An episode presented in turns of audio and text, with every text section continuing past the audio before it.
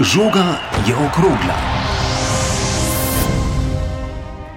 Dobrodan in dobrodošli v novi sezoni podcasta Žoga je okrogla. Konec tedna se je začela 33. sezona državnega prvenstva. V prvem polčasu bomo govorili o evropskih nogometnih kvalifikacijah in začetku državnega prvenstva, v drugem polčasu pa bo v spredju ženski nogomet. Več kot 30 slovenskih nogometnih reprezentantk se je podpisalo pod odprto pismo, v katerem želijo spremembe v reprezentanci.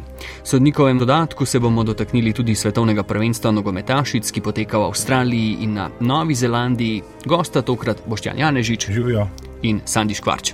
Živijo, lepo zdrav. Moje ime je Aljaš Golčar, začnimo. Prvi polčas. Nova nogometna sezona se je začela z evropskimi kvalifikacijami. Nogometaši Olimpije so preskočili prvo oviro v kvalifikacijah lige prvakov, Valmiero so tako doma kot v gosteh premagali z 2 proti 1. Boštjan spremljal si obe tekmi, kaj so prikazali Ljubljančani, kako podobna oziroma drugačna je pod vodstvom novega trenerja ekipa in eh, njena igra. Ja, moštvo Olimpije je precej drugačno, kot bi bil Joao Enriquez, precej bojazljiv, previden eh, trener v primerjavi z Riero. Tekmi v prvem krogu proti outsiderju Valmieri pa sta si bili na las podobni. Eh, Olimpija je povedla eh, z dve proti nič sredi drugega polčasa in dokler so bili na igrišču tisti, ki bi jim lahko rekli, da so začetni enajsterici, je bil na igrišču red, potem pa izmenjavami slabših nogometašev, neadekvatnih ob koncu obeh tekem do časnega gola prišla tudi latvijska Valmjera. Sandi, ti pa si bil na tekmi prvega kroga državnega prvenstva med Koprom in Olimpijo. Ljubljančani so po tem, ko so bili uspešni v prvem krogu evropskih kvalifikacij, zamenjali sedem članov začetne enajsterice in izgubili z dve proti ena. Kakšna tekma je bila to, mogoče kakšne usporednice tudi z Evropsko olimpijo? Ja, na prvi pogled ima Olimpija kar enako vredno moštvo, torej tudi tisti igravci, ki so bili v prvi enajsterici v Kopru, so se zdeli zelo kompaktni, zelo čvrsti, močni v duelih. Vidi se, da je tudi ostra konkurenca znotraj same ekipe v Ljubljanski olimpiji. Torej, samo štirje so bili tisti, ki so začeli v prvi enajsterici primerjavi z zadnjo evropsko eh, tekmo, med njimi mladi Marcel Ratnik, ki je bil v vlogi kapetana ekipe. Je pa potem očitno trener Žuao Enriquez nekako videl, da ne gre, da ni zadetka, še posebej, ko so koprčani dosegli vodilni gol, je potem hitro postal na igrišče tudi tri prvokategornike, torej Timija Maksa Elšnika, pa seveda Svita Sešljarja in Roja Pedra, tako da je na ta način poskusil priti do izenačanja, ampak takrat je seveda ostalo precej prostora v obrambi, tako da so koprčani to izkoriščali s hitrimi proti napadi. Koprski trener je za nameček na igrišče poslal tudi Maksa Barišiča, ki je bil kar precej težka naloga za branilce Olimpije. No, na zadnje pa je pravzaprav prišlo do zakona bivšega, bi lahko rekli, Niko Omladič, ki je igral tudi pri Olimpiji, novinec Kopra je podal iz kota in še en povratnik v koprsko zasedbo Nardin Mulah Husejnovič je torej dosegel prvi zadetek, no potem pa še Olivier Nkada in takrat je bila Olimpija pravzaprav že brez možnosti, kaj ti tekle so zadnje minute. No, Svit Sešlar pa je dosegel zadetek, ki je naredil zadnje minute malce bolj zanimive, ampak Olimpija se je morda malce zakalkulirala kalkulirala, predvsem trener, čeprav na novinarski konferenci po obračunu ni razmišljal v to smer, rekel je, da ima pač enakovredno zasedbo, tako tistih enajst, ki so bili na igrišču, kot tisti, ki čakajo na priložnost na klopi, ampak očitno je šlo tudi za kakšno taktično zadevo, morda tudi za vrčevanje moči pred uh, skorajšnjo novo tekmo v Evropi, ki je zagotovo bolj pomembna kot štartu prvenstvo. Ja, ravno nasprotniki trenerja Enrikeša, torej tudi strokovnjaki, sploh pa ljubljanski navijači, se ne strinjajo s tem, da ima Olimpija na vseh pozicijah enakovredne nogometaše, ne verjamejo, čeprav so igrali malo časa, nekaj tudi proti Hajduku na pripravljalni tekmi, da Motika, Floruč, Fadida, Lasickas niso dorasli prvi enajsterici. Sandi, podrobno spremljaš Koper že vrsto let. Minulo sezono so Koprčani osvojili šesto mesto v prvi ligi, še sezono prej so bili drugi blizu naslovu državnega prvaka. Kaj od njih lahko pričakujemo v tej sezoni?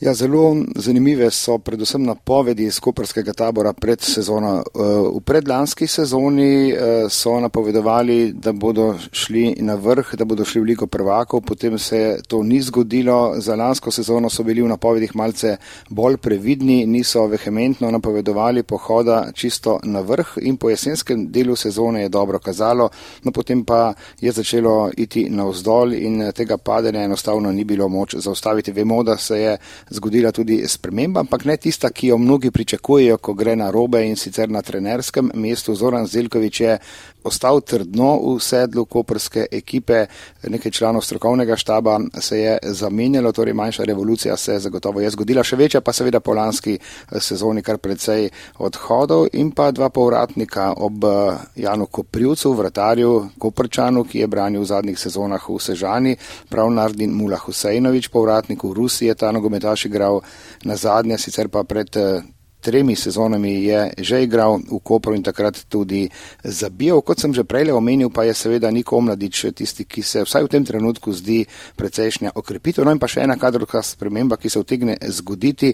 Andrej Kotnik naj bi bil na izhodnih vratih, govori se o prestopu na Kitajsko, ampak na novinarski konferenci potekmi je eh, Zoran Zelkovič dejal, da s prestopi nogometašov je tako obveljajo takrat, eh, ko je podpisana pogodba za enkrat, torej še ni. Koperska ekipa seveda je blizu, je tista, ki bo napadala vrh, eh, ampak. Težko je reči, ali ima v tem trenutku zasedbo za čisto na vrh.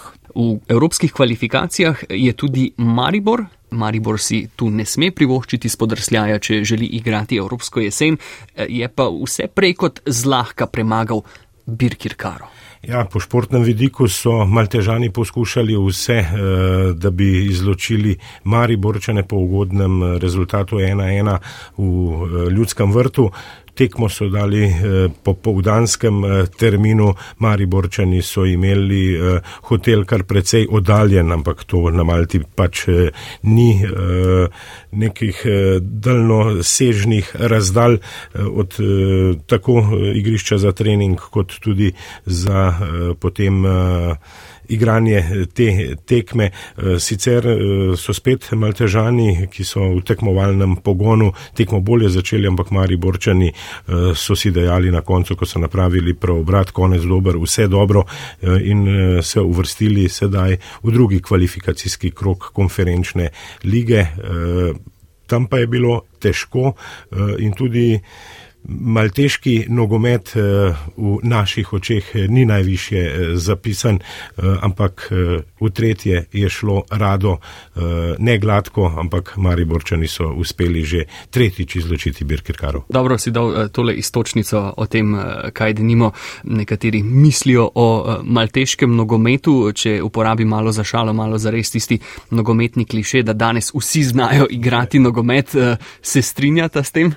Ja, saj tako je bilo videti, da eh, tudi maltežani izločili so domžalčane, Balzan je bil prevelik zalogaj za eh, domžalske nogometaše. Sedaj pa bomo videli, kako z Luksemburžani eh, Differdanš bo tekmec Mariborčanov v tem drugem kvalifikacijskem krogu izkušnje z luksemburškim nogometom, z Dudelanžem pa Štajerci že imajo. Morda en zanimiv utrinek, eh, vprašanje, kakšno so dobate recimo v teh eh, večjih nogometnih nacijah, ko se je recimo Maribor pred leti eh, prebijal v Ligo Evropa in tudi v Ligo prvakov. Takrat so tudi govorili recimo nekje v Franciji, na nizozemskem, Belgiji in kjerkoli, da se je nek klub iz neke Slovenije uspel prebiti tako visoko. Tako tudi mi razmišljamo sedaj o tistih, ki so manjši od nas, ki še niso bili tudi na velikih tekmovanjih kot reprezentanca na podoben način. Eh, ja, trenerji radi uporabijo ta kliše, da pač vsi igrajo nogomet in res ga vsi igrajo, tudi nekateri pač eh, vlagajo več v nogomet in eh, še posebej pa je danes, če neka ekipa doseže ki je niže rangirana vodilni zadetek, se zna potem tudi dobro postaviti v obrambi, kar potem povzroča tudi boljšim tekmecem težave. Ampak tudi zaradi tega je nogomet zanimiv, da kdaj zmaga tudi kakšen palček, da premaga goljeta. Ja, vedno pa upamo, da slovenski klubi pridejo čim dlje v teh evropskih kvalifikacijah. Eh, no, Mari Borčani, eh, potem ko so se močno namučili zbirki Tkano, so, eh, boščan lahko rečemo, pokazali drugačen obraz na prvi ligaški tekmi, tam pa prepričljiva zmaga 4 proti nič proti Radomljam.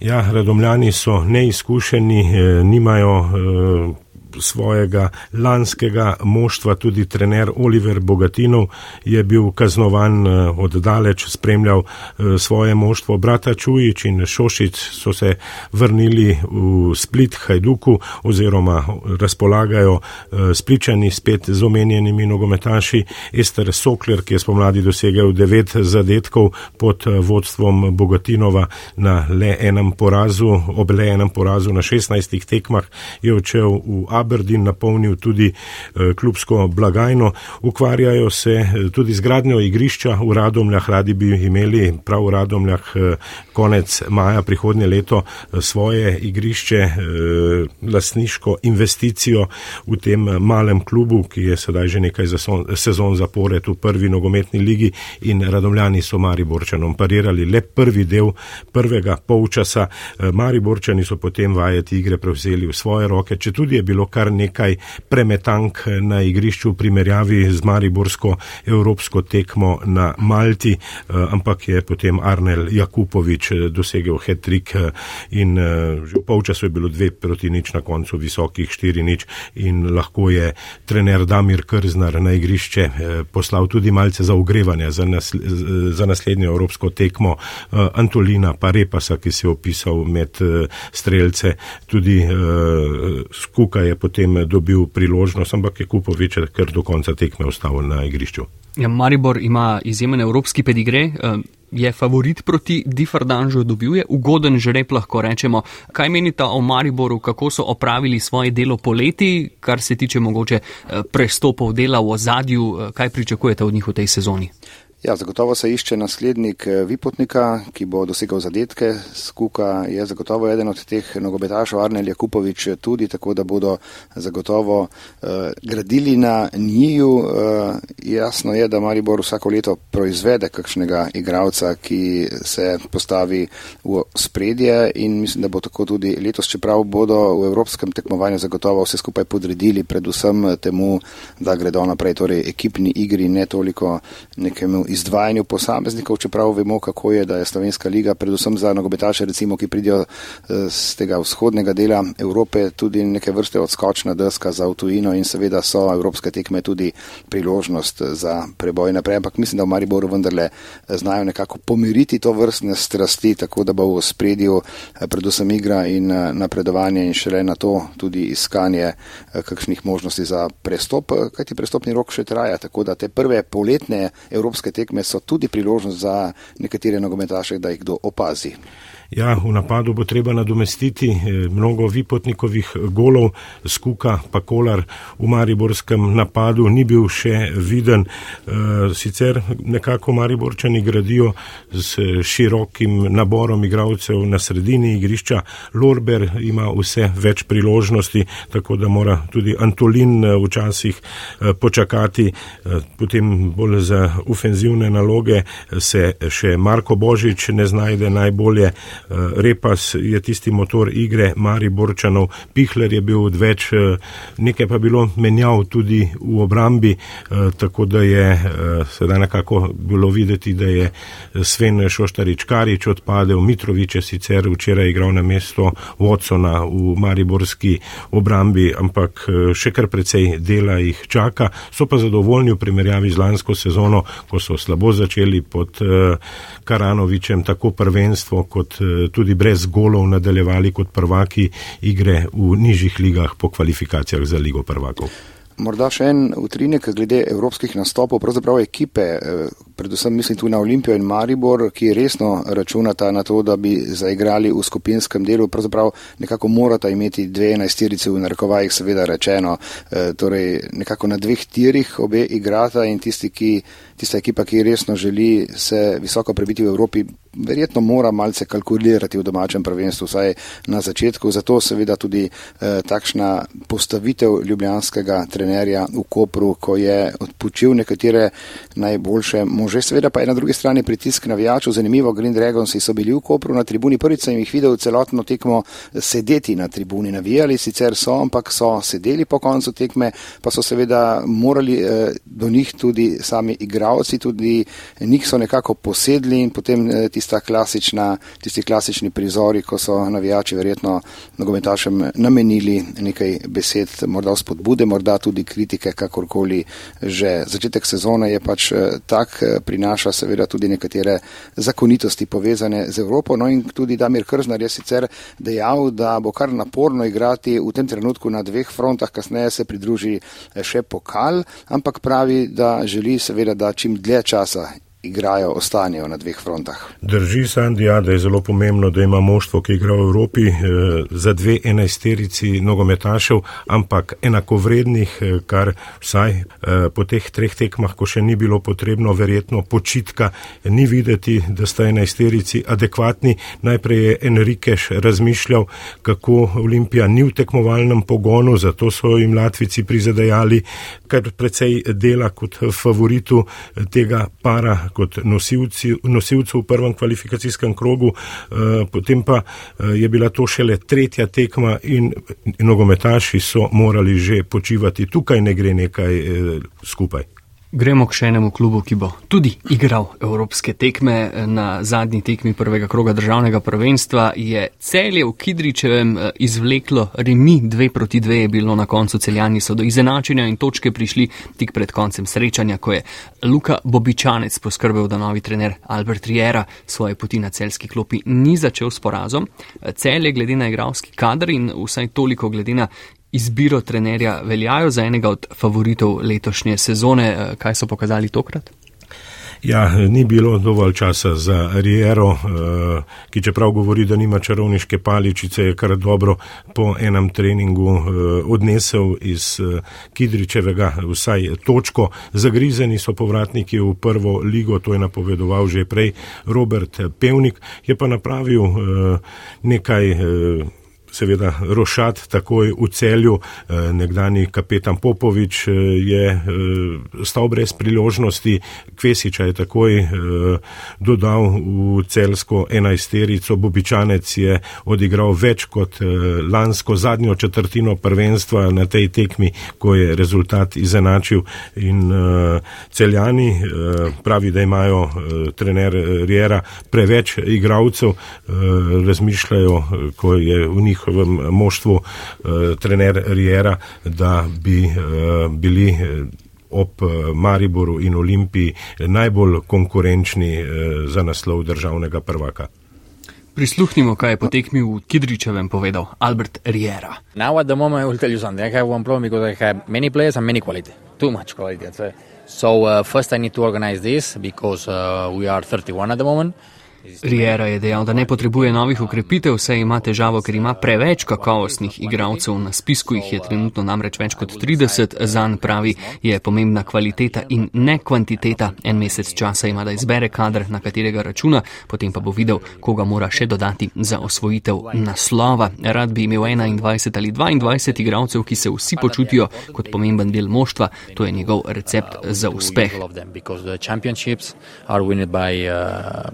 the, all the team, not only 11, 12 or 13 players. Nekaj izvrstnih istočnic je dal Albert Riera v tem svojem odgovoru. Omenil je torej, da je zadovoljen s kadrom, da ima veliko kakovostnih igralcev in da je cilj naslov prvaka. Ni pa še omenil besede Ferrari, ki jo je uporabljal za Olimpijo, torej zaenkrat še nima Ferrari oziroma ga še ni dobro spoznal. Je pa zanimivo to, ne, da izjave Riere pred prihodom v celje, ko je dejal, da bi v Sloveniji lahko treniral za moj klub, to je Olimpija.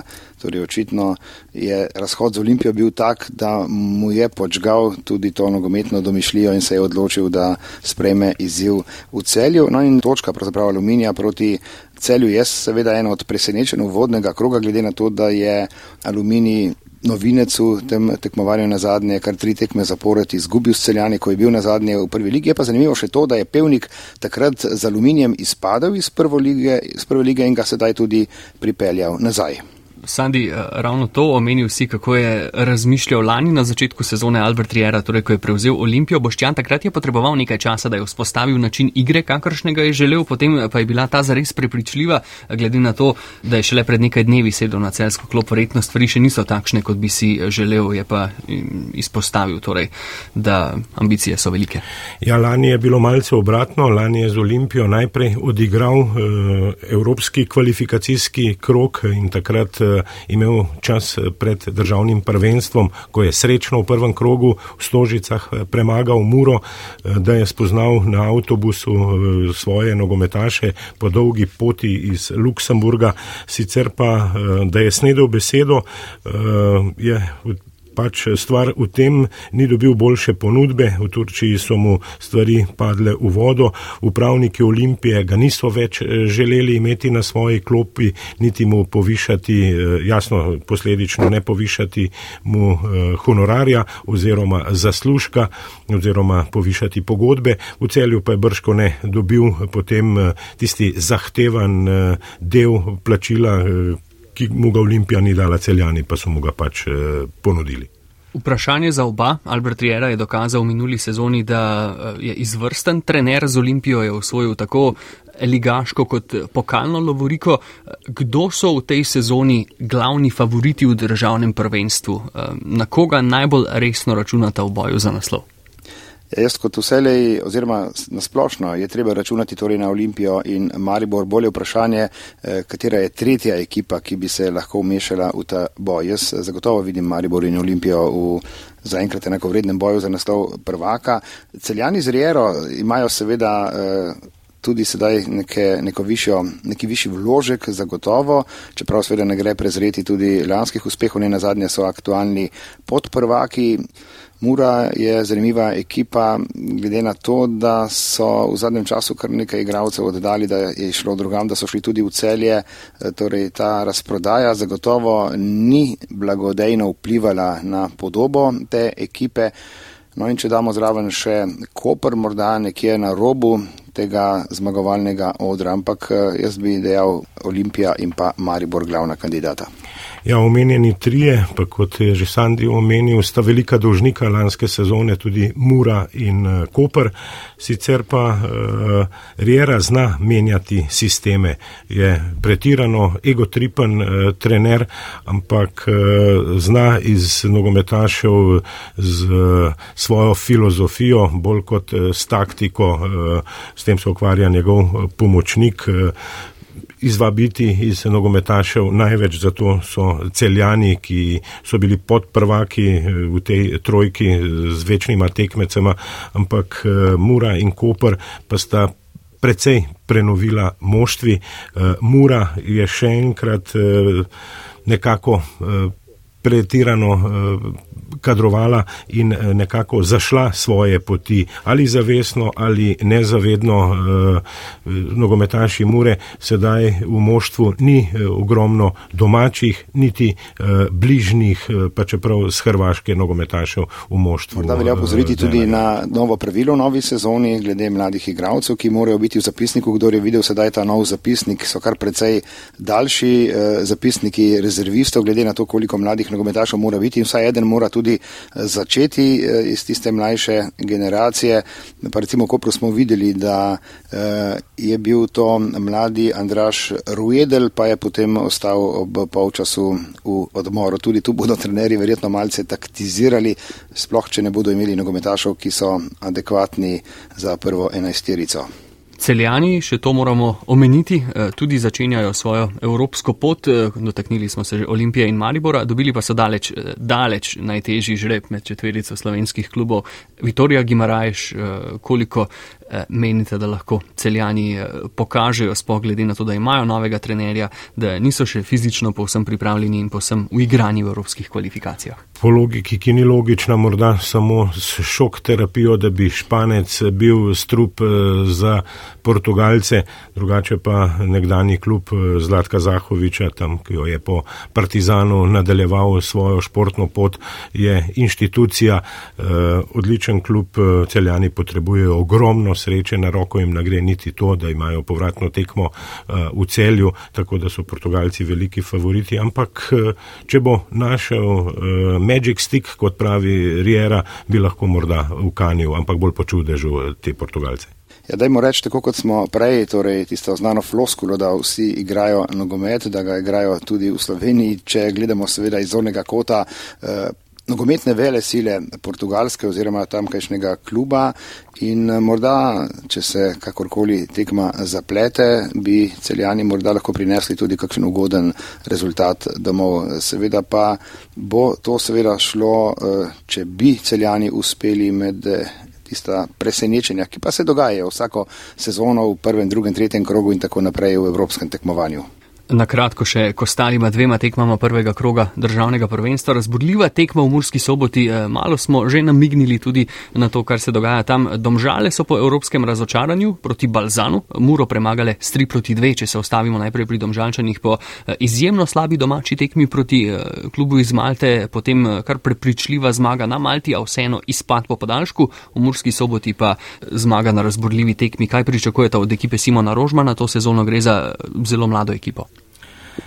Ja, domžalčani so prav tako zašli svoje poti. Eh, prej so eh, v moštvo eh, dodajali svoje domače pripravnike, svoje nogometne šole, sedaj, ko je kadrovnik, kadrovik Senjat Ibričič, je v moštvu več tujcev, kot jih je bilo navadno in to tistih poprečnih tujcev, bolj za zakrpanje njihovega moštva. Markuš in Žiga Repas naj bi bila med domačimi že tista, ki bi lahko prevzemala vajeti igre v svoje roke, bila malce glasnejša, tudi opora v garderobi ostalim prišlekom. Sicer pa so domžalčani oddali eh, tudi precej nogometašev v tem prestopnem eh, roku, ampak eh, V Murski soboti Mura dobro začela, mislila, da je že zmagala, potem so domžalčani obrnili potek igre, imeli tudi srečo, ko so zadihali eh, po šoku v fazaneriji in po porazu proti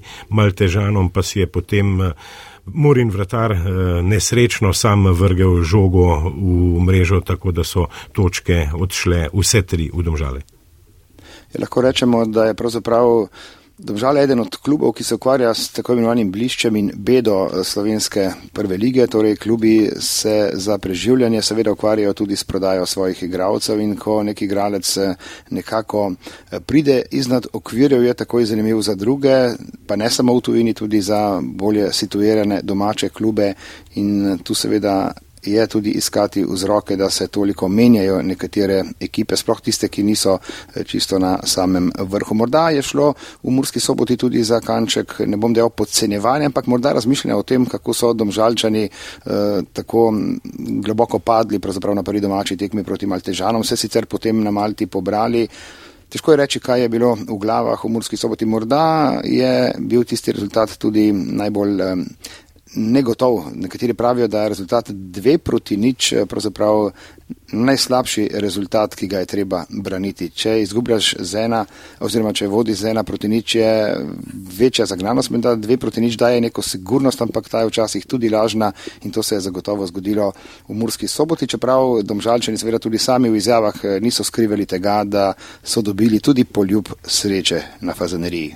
Za konec pregleda začetka nove sezone državnega prvenstva še eh, nekaj besed o tekmi. Bravo, Rogaška, Bravo je z dve proti nič dobil dvoboj s povratnikom v prvoligaški druščini. Eh, Boštjan, kaj to sezono pripravlja Bravo na novinarski konferenci pred začetkom si govoril s trenerjem Alešem Arnolom. Ja, dejal je, da ustvarjajo novo moštvo s slovenskimi nogometaši, eh, kar nekaj mladcev za prihodnjo ero oziroma obdobje v njihovem moštvu. Poplatnika so pripeljali izkušenca eh, strelca eh, iz druge lige, ki je igral za Ljubljansko Ilirijo in imeli so tudi srečo proti rogaški. Dosegli gol prek Štora že v prvi minuti, na to se je med strelce upisal še poplatnik in prevzeli so vlogo favorita proti novincu v prvi ligi in potem tudi upravičili le to. Tako da v Rogaški so podpisovali pogodbe še dan pred tekmo, še štirje nogometaši so ukrepili njihove vrste, bolj kot ne se ukvarjajo z gradnjo stadiona, da bi konec avgusta lahko zaigrali na domačih tleh oziroma na domači zelenici, bo pa trener Oskar Drobne nepopustljiv, tokrat so točke gladko, kot je videti, nadaleč ostale v Šiški, ampak Rogaška Slatina se bo borila za obstanek, jasno, to je njihov glavni cilj, ampak uh, bodo uh, slatinčani uh, zagrenili življenje še marsi komu in uh, tega ne skrivajo in to je tudi njihova ambicija. Sandi, kaj bo rogaška slatina prinesla v prvoligaški druščini? Ja, eh, njihov športni direktor Nino Ivačič je dejal, da je Rogaška seveda športno mesto in je še en zanimiv povdarek eh, dal eh, in sicer, da je Rogaška eno od treh slovenskih mest, ki imajo prvoligaško ekipo v nogometni in košarkarski ligi, torej poleg Rogaške še Ljubljana oziroma Domžale iz tega zornega kota.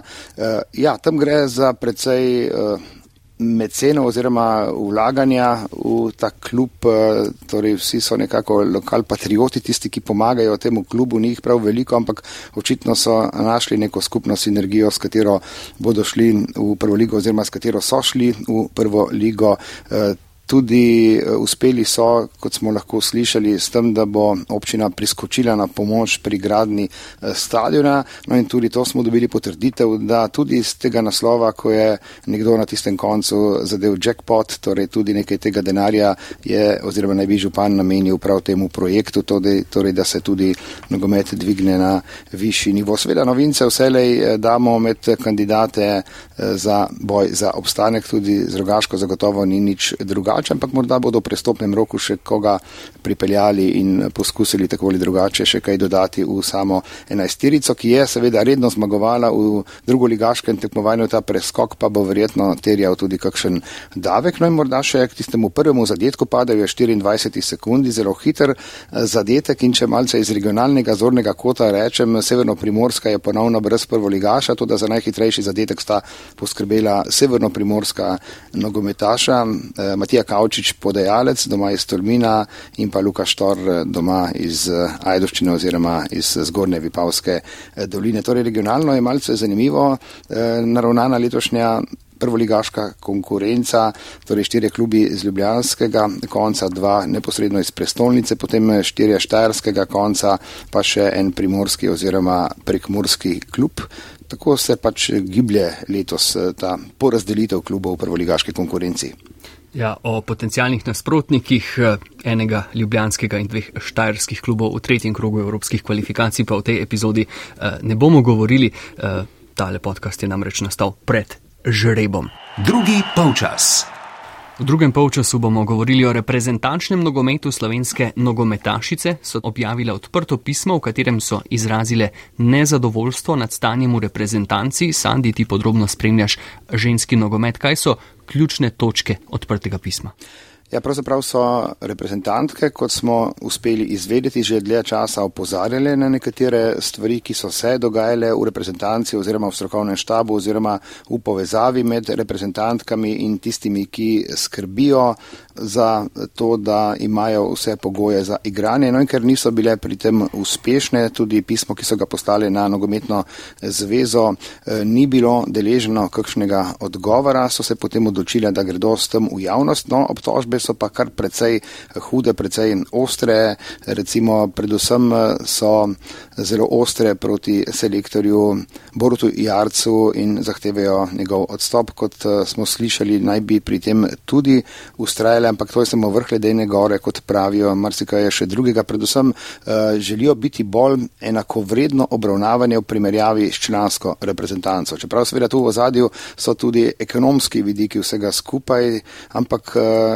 ta enakopravnost, s katero se želijo izpostaviti, seveda nekako trka na vrata povsod, pa ne samo v slovenskem nogometu, tudi v drugih športih in tudi globalno gledano je pač eh, izenačenost med spoloma v športu vse bolj vse prisotna. Predvsem eh, seveda iz naslova potovanj pa samih pogojev, ki jih imajo, eh, želijo seveda, da bi bile bolje obravnavane. Morda je eden od eh, pokazateljev oziroma vzrokov, da so se za to odločili, je tudi to, da jih več kot deset igra v najmočnejših evropskih ligah in so tam navajene na drugačen način dela, kot so ga očitno potem deležne v reprezentanci in tudi te razlike jih očitno eh, tudi motijo. Predvsem so že večkrat opozorili tudi v naših mlajših reprezentancah, da se recimo pozna, ko pride neka vele sila, nogometna vele sila, recimo z mlajšo selekcijo k nam, da se vidi, koliko ljudi je v strokovnem štabu, ki skrbijo za eno, drugo, tretjo, četrto podrobnost.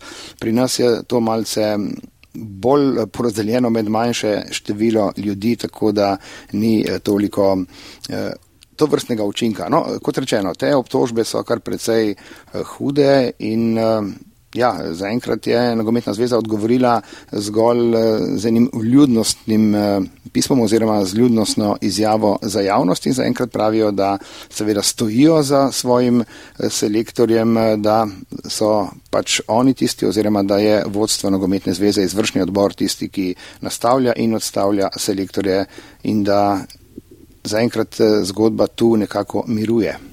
Ja, verjetno se je vse skupaj začelo s tem, ko je Borut Jarc dejal, da so na pripravljalni tekmi eh, preskočile prvi polčas proti Srbiji, ampak eh, ko so premešale vse povprek, bistveno in nebistveno, pa je morda eh, ravno to eh, bistvo, da so. Eh, Nogometni zvezi eh, Slovenije sporočale, da so slabi treningi, da so slabe analize, slabe priprave na nasprotnice. Pod odprto pismo se je podpisalo več kot 30 nogometašic v njihovem imenu, pa je za naš podcast eh, Žoga je okrogla spregovorila kapetanka reprezentance, s katero sva se slišala pred začetkom. Dominika Čonč, lepo pozdravljeni. Lep pozdrav.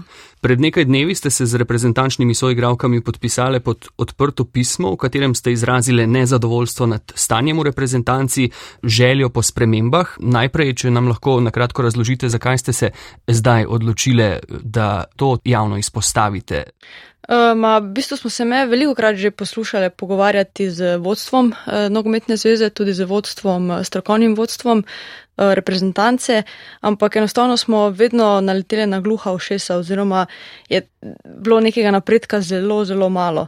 Uh, tako da sedaj pa je v bistvu uh, star, stvar počla in ni več poti nazaj. No. Potem, ko ste objavili to odprto pismo, je stekla kakšna komunikacija eh, na tematike, eh, ki ste jih obravnavali v svojem odprtem pismu? Ne, v bistvu me smo pismo poslali v ponedeljek eh, gospodu predsedniku in pa generalnemu sekretarju na mail.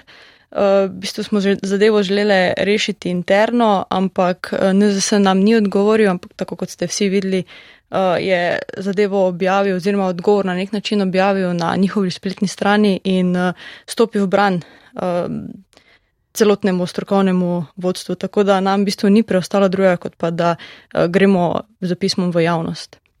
Če se pojavi možnost, da se z dialogom za pogajalsko mizo začnejo stvari reševati, ste na to uh, pripravljeni, ste pripravljeni na kompromis ali ustrajate pri tem, da um, ne boste nadaljevali z igro za reprezentanco, če uh, se stvari ne bodo spremenile tako, kot želite?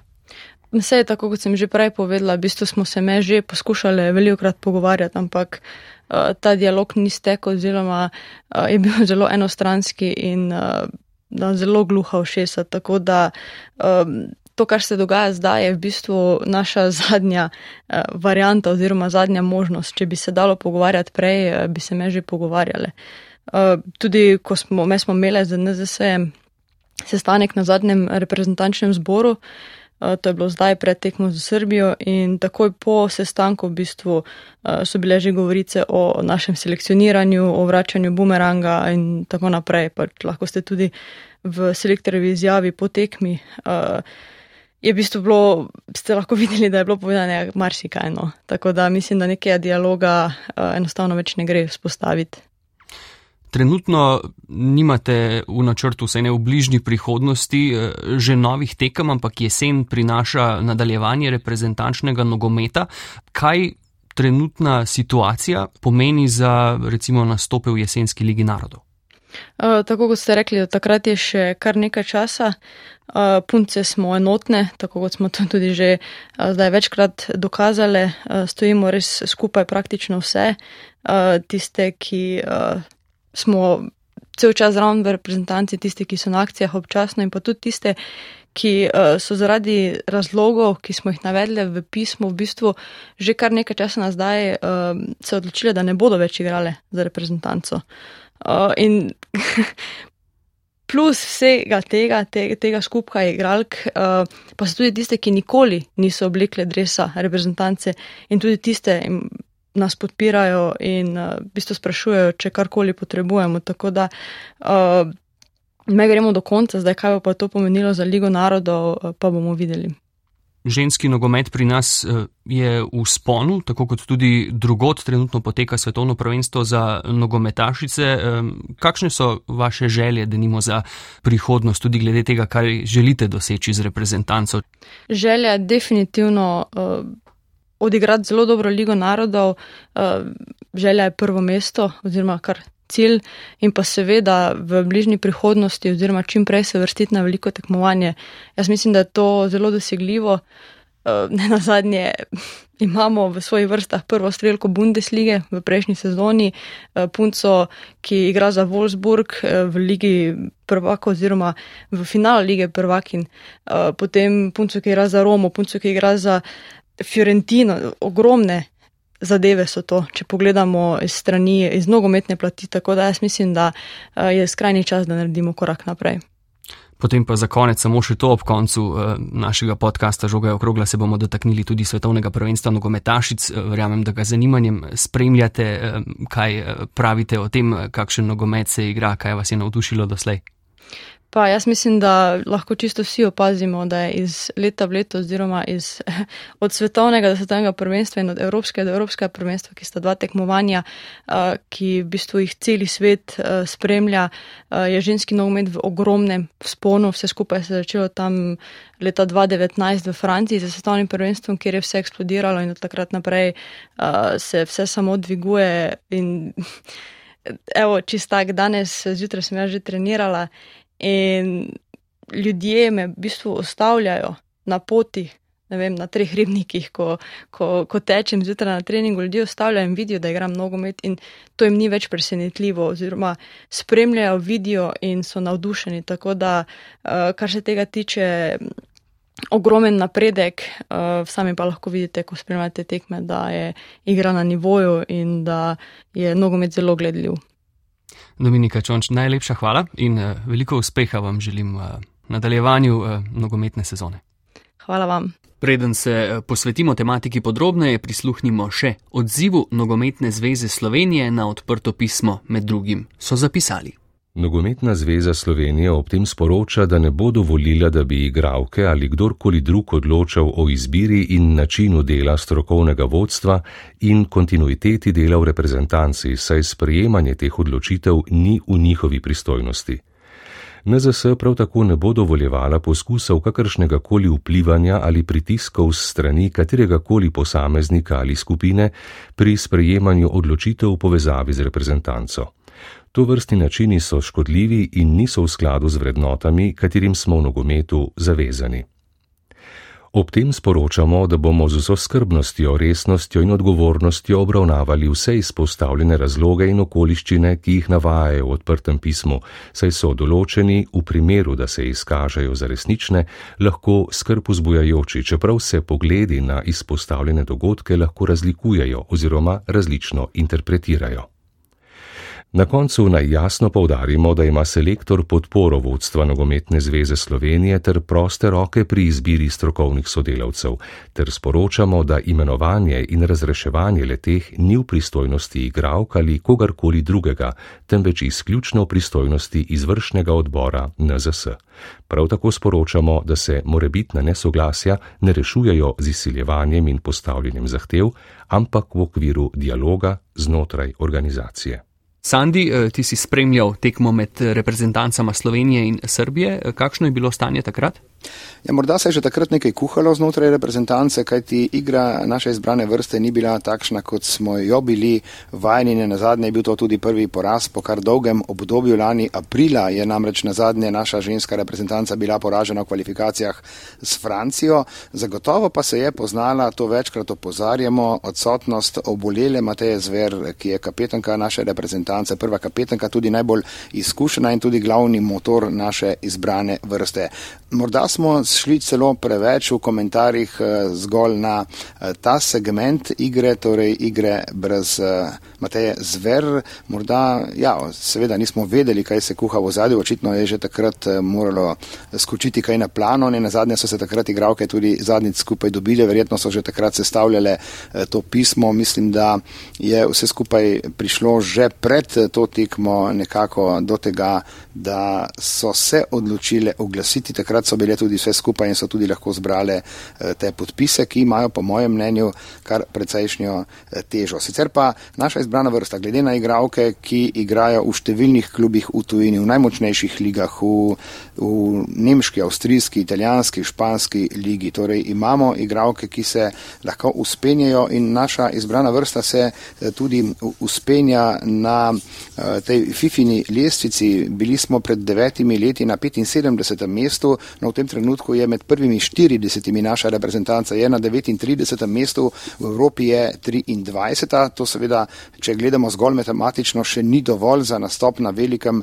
tekmovanju, ampak eh, vzemimo obzir, da na svetovnem prvenstvu nastopa 32 reprezentanc in da na prihodnem evropskem eh, v Švici bo igralo 16 reprezentanc. Torej smo blizu in eh, če se bo nadaljeval ta trend, potem morda ni daleč dan, ko bo tudi naša ženska članska nogometna reprezentanca nastopila na katerem od velikih tekmovanj. Ja, visoke načrte je povedala Dominika Čonč, imajo nogometašice tudi za Ligo narodov, do takrat je še nekaj eh, časa na voljo. Ženski nogomet se torej eh, zelo, zelo hitro razvija. Eh, zanima pa me, ali vidite tudi kakšne usporednice med situacijo v slovenski ženski reprezentanci zdaj in mladi moški reprezentanci pred nekaj leti. Ja, zanimivo je vse skupaj eh, pospremiti tudi iz zornega kota, kako vse skupaj spremljajo mediji. Tako da je tu še en od segmentov, ki ga morda malce pozabljamo. Je pa ena bistvena zadeva. Tu imamo pismo reprezentantk z eh, podpisi vseh nogometašic. Eh, tisto pismo, ki so ga sestavili mladi nogometaši, takrat eh, je pa bilo bolj splošno pismo, ampak takrat se je že nekaj časa govorilo za nesoglasje, tako da ni prišlo tako na površje. Poleg tega pa je kakorkoli obračamo roko na srce, eh, mlada nogometna reprezentanca bolj na očeh medijev, kot je eh, ženska, pa sem spoštovanje do ženskega nogometa, ženski nogomet se še vedno prebija v spredje in morda je kdo zgolj zamahnil z roko, ko je slišal to, kar se dogaja, ampak sedaj, ko se je iskrica razplantela v požar, bo vse skupaj morda težko pogasiti. Torej ta usporednica eh, torej je, oziroma ta razlika pravzaprav je, da je tokrat Eh, ženska reprezentanca stopila vsa skupaj in eh, kot eh, slišim, bo tudi ustrajala. Ja, morda so tudi dekleta razmišljali o tem, da so mladci sedla vrgli primoža glihe, bilo je malce drugače, takrat se je Evropsko prvenstvo bližalo na domačih tleh, zveza je bila že pripravljena, bolj obveščena, manj tiščala, upravniki njeni glavo v pesek, ampak tako kot pravi Sandi, so razlike in pa usporednice kakšna je sploh lahko zdaj pot naprej?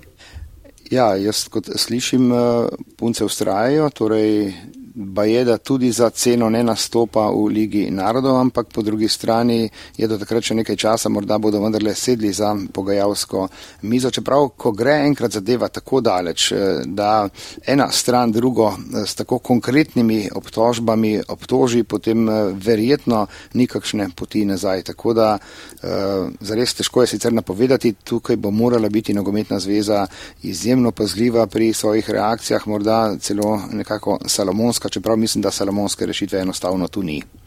Ja, verjetno eh, na zvezi še razmišljajo, kaj bi sploh eh, storili, kako odločene so nogometašice. Eh, najprej verjetno razmišljanje tudi o tem, da bo vse skupaj hitro pod preprogo, tako kot omenja Sandi, da je ženski nogomet dlje od oči javnosti kot pa reprezentanca fantov do 21. leta, ampak sedaj imajo več dela, kot so mislili na zvezi še pred kakšnim tednom ali desetimi dnevi.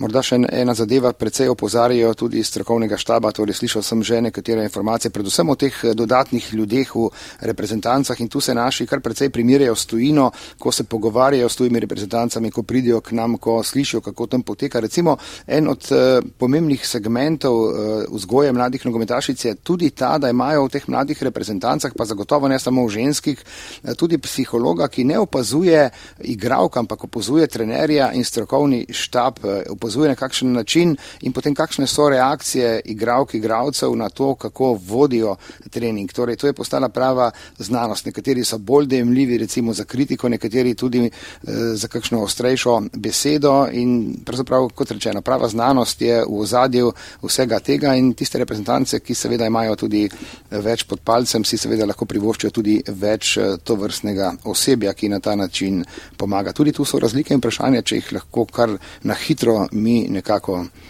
izenačimo.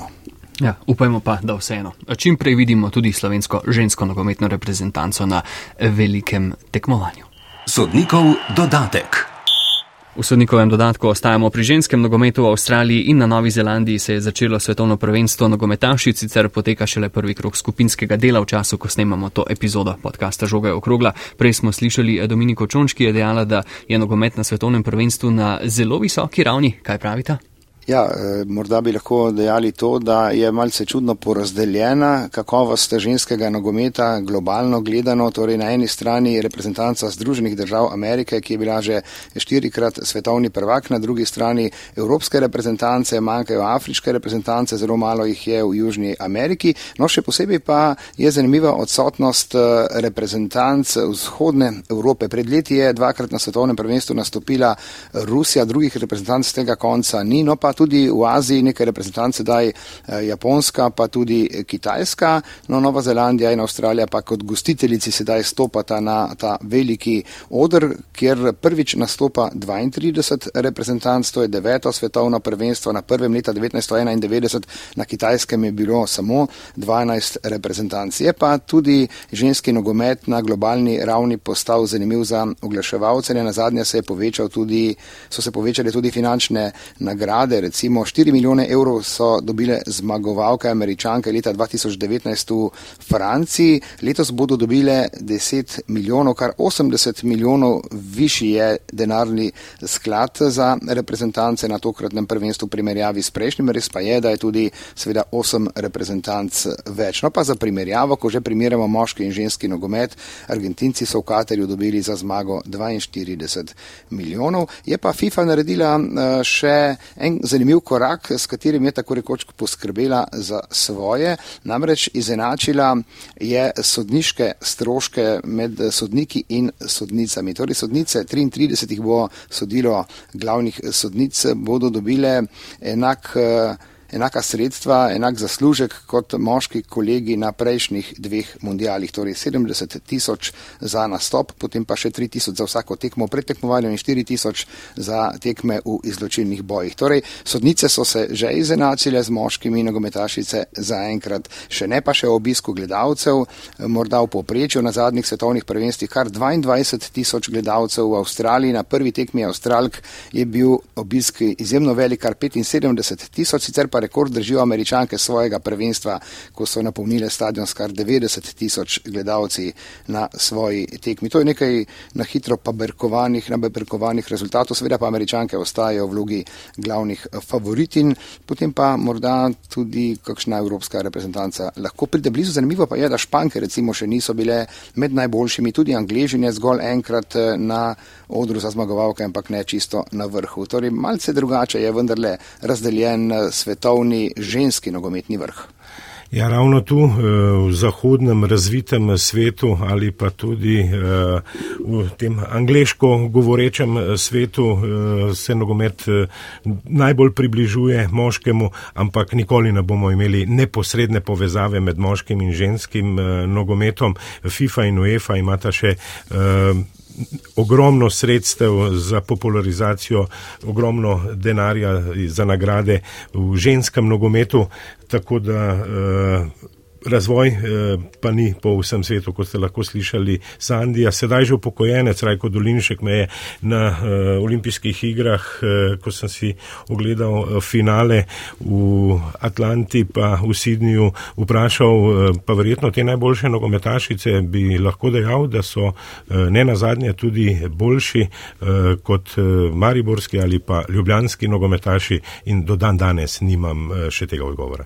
Morda samo še en droben utrinek poleg, ko že govorimo o razlikah, gre tu za ekonomski vidik, kot sem samo opozoril tudi v včerajšnji jutranji zgodbi. In sicer v moškem nogometu imamo Mesija, Ronalda, Mbapeja, Alvareza, Žiruja in še nekatere zvezdnike, na ženski strani pa ali se kdo spomni, kdo so bile najboljše posameznice leta 2019, recimo Megan Repino, pa Alex Morgan, pa Ellen White in še nekatere, ampak niso globalna nogometna imena in tudi tu je razlika, ki se bo zelo, zelo počasi zmanjševala. Ampak zmanjšuje se. Boštjan, Sandi, hvala obema. E, naslednja epizoda podcasta Žoga je okrogla, pa bo z vami čez dva tedna. Do takrat uživajte v nogometu.